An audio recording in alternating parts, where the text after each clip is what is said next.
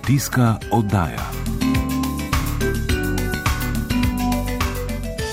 Prav lepo pozdravljeni in dobro jutro voščim. Tudi v današnji oddaji ostajamo pri vinu oziroma natančneje pri trtah. Podrobneje bomo namreč govorili o pomenu kalija v prehrani vinske trte. Z nami je specialistka za vinogradništvo pri Kmetijsko-gozdarskem zavodu Nova Gorica, naša stalna sodelovka Majda Brdnik. Prav lepo pozdravljeni. Pozdravljeni. Torej, trte so zdaj nekako v mirovanju. Sveti Martin je iz mošta naredil vino, kot pravimo, ampak vendarle to eh, ne pomeni, da lahko na trte pozabimo. Katera so tista hranila, ki jih vinska trta potrebuje za eh, normalno rast? Vemo, da so to makro in mikrohranila. Tako je. Trta ni zahtevna rastlina po hranilih, če bi jo primerjali z ostalimi kmetijskimi rastlinami. Seveda, brez hrane, brez elementov, ki jih pa rabi za svoj obstoj in razvoj eh, samega svojega telesa in vse to, kar dobimo potem tudi v vinu, ker govorimo že, da je preko 1400 substanc v vinu, seveda prinese eh, v vino iz grozdja, grozdje pa iz stav. Tako da so makrohranila, ta glavna makrohranila eh, trta eh, potrebuje v kilogramih merjeno, seveda to je dušik, fosfor, kali, o katerem bomo danes govorili, seveda iz zraka in vode pa seveda dobi oglik, vodik in kisik. Med makrohranila nekako še štejemo tudi magnezij in žveplo, katerega seveda posebno magnezij tudi dodajamo, ukolikor je pomankanje. Eh, seveda, razen makrohranil so še posebno tudi mikrohranila, ki pa grejo v gramih, ki jih rastlina rabi, vendar za procese so to tudi pomembni, od železa, klora, mangana in še drugih elementov. Kali pa trta ga ima rada, ga potrebuje za svoj obstoj. Potrebuje za svoj obstoj, skratka, pomen kalija za razvoj trte, za obstoj, za rast je izjemnega pomena. Zakaj? Tako, rečemo celo, da je trta kalifilna rastlina zaradi tega, ker kalija potrebuje skoraj toliko, mogoče v nekaterih primerjih še več kot eh, samega dušika, ki vemo, da je pomemben za rast. Kali uravnava številne procese, preko 40 različnih eh, encimskih procesov in v bistvu vpliva na količino in predvsem tudi na kakovost pridelka. Zelo uravnava odpiranje in odpiranje listnih rež, kar vpliva na transpiracijo oziroma uh, nivo vode oziroma porabo vode in vemo, da v zadnjih letih vedno ti ekstremi, sušna, klimatske spremembe, suša in pomankanje kalija zelo uh, negativno potem vpliva na ta vodni stres v sami rastlini, tako podobno tudi v ostalih rastlinah, ni trta tukaj izjema. Eh, seveda vpliva tudi na razvoj korenine, na čvrstost lesa, ker z razvoj, seveda zdaj smo rekli, trta že gre v tem času v mirovanje, odvrže liste in je zelo pomembno, da imamo mi dober, zdrav eh, les za veliko suhe snovi. Kako ugotovimo, da, nimo, eh, da trti primankuje kalija? Kakšni so te znaki, na osnovi katerih vemo, da je potrebno dodati? Kot služba vedno priporočamo, da kmetje opravljajo analize tav, to je priporočljivo na pet let. Sveda v primerih pomankanja tudi mogoče foljarno analizo v poletnem času, znaki pomankanja pa se pojavijo na starejših listih. Eh, zaradi samega procesa, ker eh, največ kalija je v mladem delu in eh, ga tudi v primeru, da je pomankanje kalija, rastlina sama iz starih listov počrpa, zato se ti znaki pojavljajo na starejših listih, se pravi na spodnjih listih v času vegetacije, začnejo tako, kot bi se malo svetlikajo, kot da bi jih z medom polil, na kar pa se začnejo sušiti robovi in se list zaviha tako navzgor. Porjavi in seveda tudi eh, nastavek grozdja je klaveren, poznajo se tudi kakšne pege, grozdi so majhni, čemerni eh, in kot smo že prej rekli, tudi slabo dozoreva les, kar je posledično tudi ima vzrok, da rastlina eh, močneje je podvržena boleznim. Gospod Majda, torej v tem trenutku so še, je še listje na trtah ali lahko že zdaj ugotovimo po teh znakih, da primankuje trte kalija ali to lahko šele potem, ko trta odžene in kdaj seveda dodajamo potem ta kali in kako? Ja, e, znaki se pojavljajo potem poleti. E, zdaj je že rastlina tako v takem stanju, listi so že dozoreli, nekatere so jih že odvrgle, tako da zdaj težko več opazimo, ampak po letnem času se pojavjajo ti znaki. Seveda zato je potrebna potem analiza tav in seveda dognojevanje. Je pa kali se močneje veže v tleh, podobno kot fosfor in se počasi premika, mogoče 1 do 2 cm letno. Zato je zelo pomembno, da pri napravi novega vinograda opravimo analizo in opravimo založno gnojenje. To vedno poudarimo, kajti globina korenin eh, vinske trte je med 30 in 60 cm poprečju in seveda, če mi takrat ne opravimo založnega gnojenja, bomo težko dosegli, da eh, bo to gnojilo eh, dodano, mineralno gnojilo, rudninsko gnojilo prišlo. Pravzaprav preko organskega težko to nadoknadimo. Za vse tiste, ki zdaj eh, odhajajo na pot vinogradništva, podrobne založno gnojilo, založno gnojenje, kaj je to? Ja, založno gnojenje je že sama beseda pove na zalogo. Ne? To pa seveda nikoli ne opravimo z dušikom, ker se zelo hitro spira, zelo hitro ne bi naredili nič, samo škodili bi, celo bi se na svoji denarnici in tudi tla bi onesnažili, predvsem vodo, ne spiranje ali pa izklapevanje. Založno se opravi z fosforjem in kalijem, ker se zelo počasi premikata v tleh. Kot sem rekla, ena do 2 cm. Delno mogoče še z magnezijem, vendar uh, samo v primerih, da ga res manjka. Vse ostala hranila pač dodajamo tekom rasne dobe, rasnih uh, vegetacije, uh, potem v vseh rodnih letih, ko ima vino. Vinska trta potrebuje različne elemente, seveda, za svojo normalno rast in razvoj. Ali lahko prihaja tudi do kakšnih težav, da je nekater ne, nečesa preveč, nekaj premalo ali da si, kot pravite, vi nagajajo lahko ja. ti elementi med sabo. Seveda, elementi se med seboj tudi nagajajo, če tako rečemo, mi rečemo strokovno antagonizem in tukaj je prav primer kalija in magnezija. Ne? Eden je enovalenten, drugi dvovalenten, pa si nagaja. Seveda, zelo je pomembno tudi, kakšno stanje imamo v tleh, kar se tiče pH-ja, osame tudi delno seveda organske snovi in seveda talnih razmer, kar se tiče vode, da niso tla zbiti kita, da so zračna in seveda, da imamo tudi vodo v tleh, ker te rastline vse sprejema preko izmenjave ionov, ne? vse v ionski obliki, konkretno kalije, kalijev oksid, kalijev ion, ki ga rastlina eh, sprejema. Tako da eh, tukaj, kot sem omenila, kali in magnezij in tukaj se pojavlja potem eno je venenje pecljevine, eno je sušenje grozdov, tako da je kar potrebno biti pozoren pri teh. Svetujem, da se potem v takih primerjih kmetje obrnejo na eh, svetovalno službo, kjer eh, razžiščamo vzroke in poskušamo odstraniti. Vsekakor osnova so pa potem vizualni ogledi in predvsem potem tudi analize samih tav in more biti tudi listov, če gre za večje škode. Počrto, gospod Majda, kaj je v tem trenutku potrebno postoriti v vinogradih, da bomo imeli prihodnjo leto dobro letino in da bomo seveda ohranili trte v kar najboljšem stanju? Trta res gre v mirovanje, prihaja čas zimske rezi, vendar seveda zaradi prav lesnih gljiv, ki so zadnja desetletja uh, precej škodijo našim uh,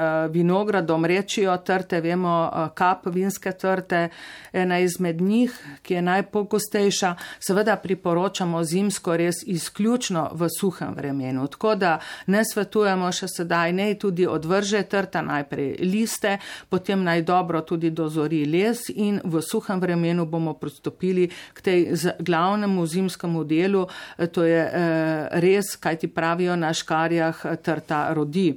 Vsekakor pa tudi ne smemo pozabiti na prehrano, se pravi prerahlja spremljamo tla, kjer so zatravljena, opravimo po potrebi tudi eh, analizo tav in se odločimo potem za ustrezno gnojenje. Majda Vrnik, najlepša hvala. Skratka, za vinogradnike ni miru. Tako je, v življenju, to je življenje, tudi v mirovanju se nekaj dogaja, je treba že pripraviti za naslednjo sezono in en, dva, tri pa bo pomlad. Hvala lepa. Srečno. Dober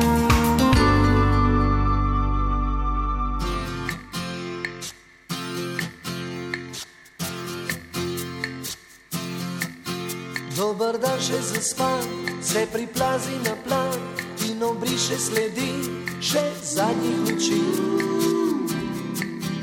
Dober dan še pijan, na okrog razmetan, ko se veter poda čez tihe poti.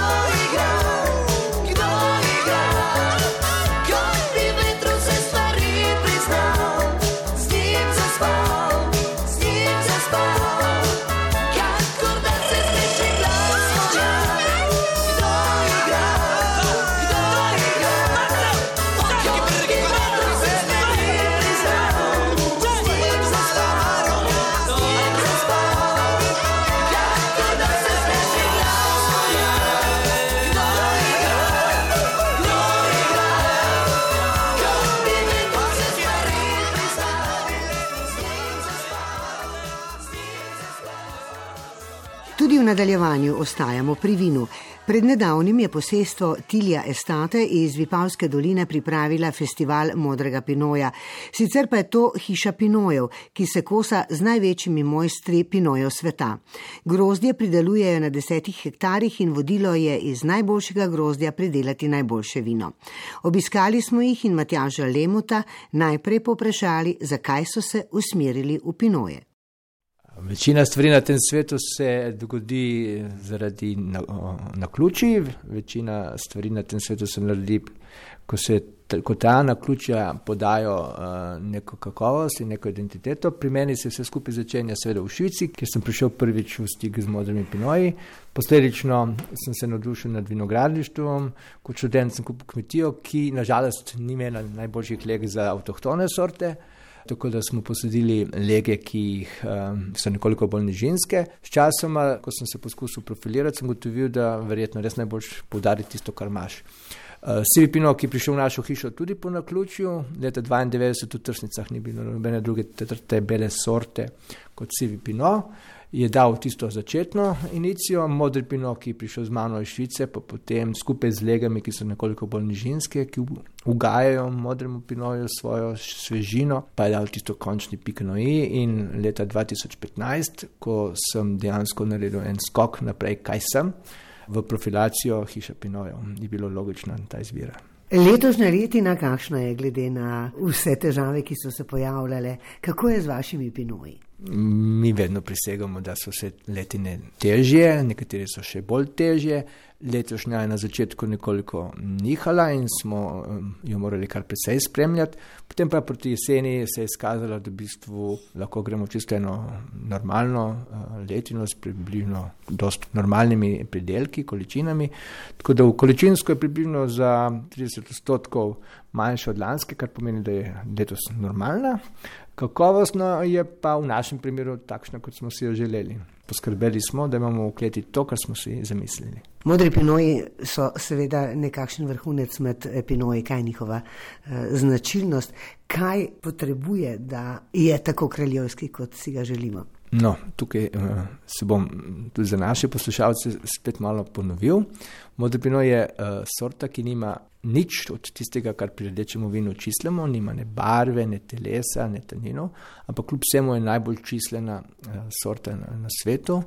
Med poznavalci je ogromno takih, ki so res zaljubljeni v njo. On uh, v osnovi je oče belih vin, iz njega izhaja sivi pa beli pino ampak potreba se potruditi, da iz sorte, ki v bistvu eh, pri enostavni predelavi naredi samo roze, naredi nekaj, kar je tako čisleno vino. Tako da v bistvu začne se vse v vinogradu, od izbira klonov do iskanja ravnotežja rastnosti, do eh, raznih majhnih detaljčkov, kot so recimo odstranjevanje zelenega listja, vršičkov, pa vse do kleti, kjer lahko z različnimi tehnikami, od izbire sodov do klasičnimi francoskimi tehnikami, eh, kot so odtakanje eh, mošta do uporabe peclevine pri pridelavi, ustvarijo vino, ki je tako zanimivo in inteligentno za poznavalce. Večina poznavalcev te sorte pravzaprav se spopada z razmišljanjem, kaj neka sorta v neki legi, na nekem področju, pri nekem pridelovalcu, v nekem letniku je sposobna izpostaviti. In tukaj je bistvo uh, potem modrega pinoja. Prav ta uh, želja po odkrivanju kreativnosti vinarja. Vi sodite brez dvoma med zelo kreativne, kaj pa potem tržišče? Kako je pri nas tržišče na eh, temo pinojev orientirano? Lansko leto sem nekje v Ameriki pobral besedo oziroma kratico VCC. Vineyard Seller Communication. Pravi, uh, prve dva sem nekoliko omenil, pridemo do tretjega, ki je v, prav pri modrem pinoju zelo pomembno, komunikacija. Uh, dejansko to svojo kreativnost je treba pripeljati do ljudi, ki to kreativnost sprejmejo. Pravi, brez te komunikacije ni. Ne. Mogoče to sliši zelo komercialno, ampak sej, um, na vsak način je treba priti do tistega, ki mu je vino namenjeno. Uh, prvič, da uh, uspemo ustvariti stik in gotovimo, če smo na pravi poti, uh, drugič pa tudi zato, da umestimo tisto, za česar sploh delamo. Vino brez poznavalcev, brez konzumerjev ne obstaja na dolgi rok. Tako da bi ja, v tej komunikaciji pa cel kup možnosti. Vsak od nas je spet lahko kreativen. Ne? Danes nam vse možne oblike komunikacije omogočajo različne poti, od socialnih mrež do uh, sejemskih oblik. Eh, do direktne komunikacije preko različnih sejmov, festivalov. No, in um, med najbolj pogostimi festivali na svetu, tematskimi, so sigurno festivali modrih pinojev. Recimo v Oregonu jih je čez 20, v Novi Zelandiji jih je tudi čez 10-20. Uh, in prav iz tega vidika smo mi, pravzaprav naš festival, Modri Lenoir, organizirali, zakaj pa ne bi Tilja, ki se s tem močno ukvarja, ne bila inicijator uh, Eh, modrega festivala, prvega modrega festivala na tem področju srednjo-vzhodne Evrope, eh, ki bi predstavila regijo in kreativnost tega področja. Kako bogata je Slovenija z modrimi pinoji? In s kakovostjo, kot izjemen poznavalec, in seveda tudi kot hiša Pinoja, lahko to ocenjujete. V Sloveniji je okrog 120 hektarjev modrega pinoja, v Vipavski dolini nekaj manj kot 30. V bistvu ogrom, modri pinoj prišel ali, ali pa se je vrnil v Slovenijo. Moramo povedati, da včasih je bil vedno poznan kot modri burgundec, tudi uh, Matej Vrtovec ga je omenil kot modri burgundec. Nekoliko prej je bil močneje prisoten na Štajerskem, medtem ko na Primorsko je ponovno prišel uh, nekje v koncu 80-ih let, 90-ih. Na začetku so vsi upali, da bo to še ena od takih sort uspešnic kot je Cabernet Sauvignon. To se seveda ni zgodilo, ker če ga, kot sem prej omenil, predeluješ kot klasično rdečo sorto, je to v večini primerov razočaranje. Kasneje je prišlo to, da se je začelo uporabljati predvsem za penine. V zadnjih desetih letih, ko se je vse skupaj začelo, zlasti na primorskem, nekoliko bolj profilirati, kreiranje blagovnih znamk in prepoznavnosti, pa so nekateri vinari prepoznali to sorto kot svoje, svojo sorto kot svojo možnost. Um, moram podariti, da v tujini je lažje dobiti identiteto z prepoznavnim modrim pinojem, kot pa z tako široko uh, gojenim merlojem ali pa kaprnesa vinjonom. No, tako da v bistvu tisti, ki smo se obdržali, oziroma tisti, ki smo začeli se nadgrevati, jaz mislim, da smo uh, sigurno nadpoprečni predelovalci modrih pinojev v, v, v svetu in uh, vsak od nas podarja svoje svojstva od in, uh, in značilnosti od svojih lek do svojih tehnoloških, organizacijskih zmožnosti, do svojih dejansko idej, ki se vse skupaj to sestavljajo. Kje vse je moč najti v svetu vaše modre pinoje? No, v bistvu uh, naše modre pinoje eh, lahko najdemo posod tam, ker mi dejansko izvažamo, se pravi od Amerike, Belgije, Francije, Avstrije, Nizozemske in Hrvaške. Ta prava moč hiše modrih pinojev šele prihaja. Pred štirimi leti smo začeli ustvarjati horizontalo štirih različnih modrih pinojev, eh, ki podarijo diverzitetom Vipavske doline, različne lege. Horizontalo imamo, počasi, zato da se lahko dvignemo, nam primankuje še vertikala, se pravi še letniki, saj tistih dveh naših najboljših leg. In to recimo, da računamo, da v naslednjem letu bomo že uspeli imeti zamik treh letnikov, 50% proizvodne, kar je kar precej. Kljub vsemu v naših letih je okrog 20 tisoč litrov modrega pinoja in na tak način potem um, mislim, da bomo lahko, da ne rečem, eksplodirali.